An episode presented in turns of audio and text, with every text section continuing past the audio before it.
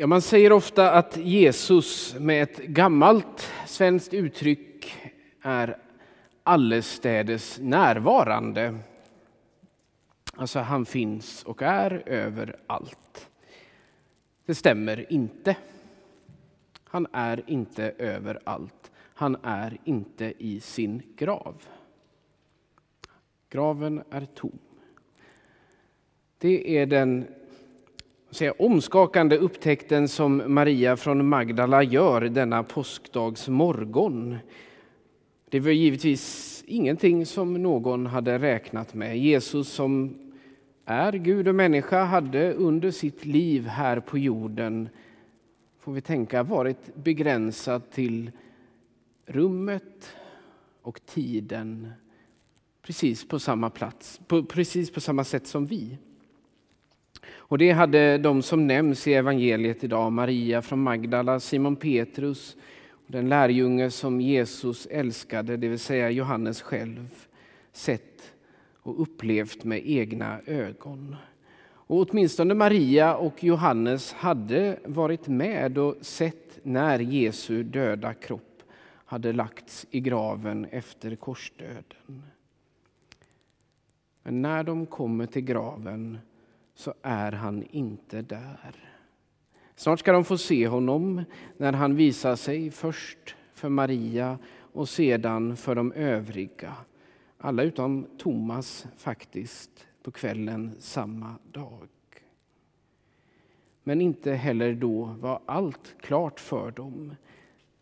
Det var något som de kom till insikt om senare. Ja, hur skulle de kunna förstå? Johannes skriver det ju att de inte hade förstått skriftens ord om att Jesus måste uppstå från de, dö närvaro, eh, från de döda. Och detta med hans allestädes närvaro som är en konsekvens av uppståndelsen och med den logiska följden att han då inte kan vara kvar i sin grav. Också det hör till sådant som man, genom, man senare kom till insikt om. Men redan här, vid graven, börjar tron gro. Först när Petrus och Johannes vänt tillbaka hem från graven visar sig Jesus för Maria som först tror att det är trädgårdsmästaren som pratar med henne innan hon känner igen honom. Ja, Marias möte med änglarna det passerar som om det inte vore något märkvärdigt alls. Det kanske vi tycker. Men det märkvärdiga i sammanhanget är ju att Jesus, som det verkar, helt plötsligt står bakom Maria och talar till henne. Han har inte trampat på någon gren liksom och avslöjat sig på vägen fram till henne.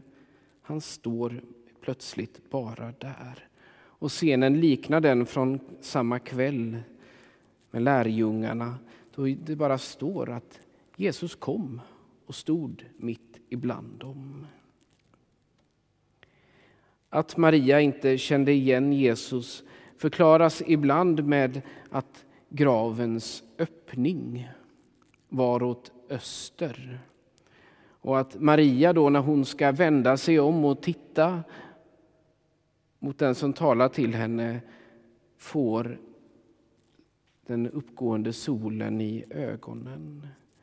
Den som har kört bil eller överhuvudtaget gått mot solen vet hur, det, hur svårt det är att se.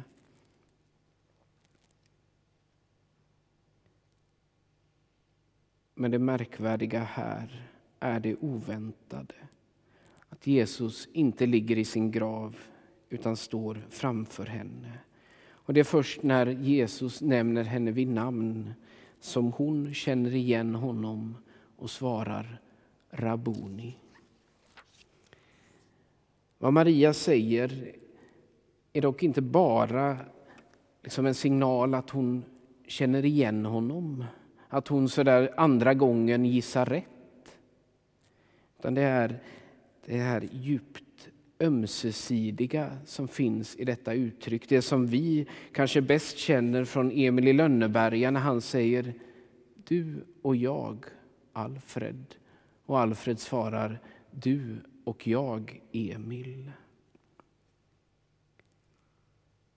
Maria förkroppsligar i någon mening det som Jesus säger i talet om den gode herden i Johannes 10. Och fåren hör hans röst och han ropar på sina får med deras namn och förut dem.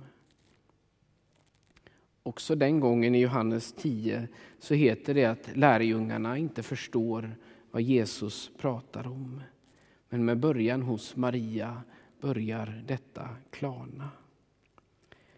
Och här kan vi var och en identifiera oss med henne. Både kring det stora, att uppståndelsen är sann på liksom ett objektivt plan. Kyrkans fasta övertygelse att uppståndelsen förändrar den här världen i grunden. Samtidigt finns det en personlig sida som gäller både dig och mig på djupast möjliga plan.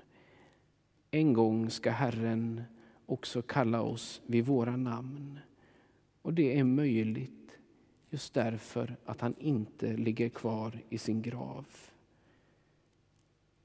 Ja, påsken är sig lik även detta år. Samma salmer, samma sånger, samma evangelium. Påsken är sig lik därför att det saknas ett lik. Jesus är nu närvarande överallt just därför att han inte finns i sin grav.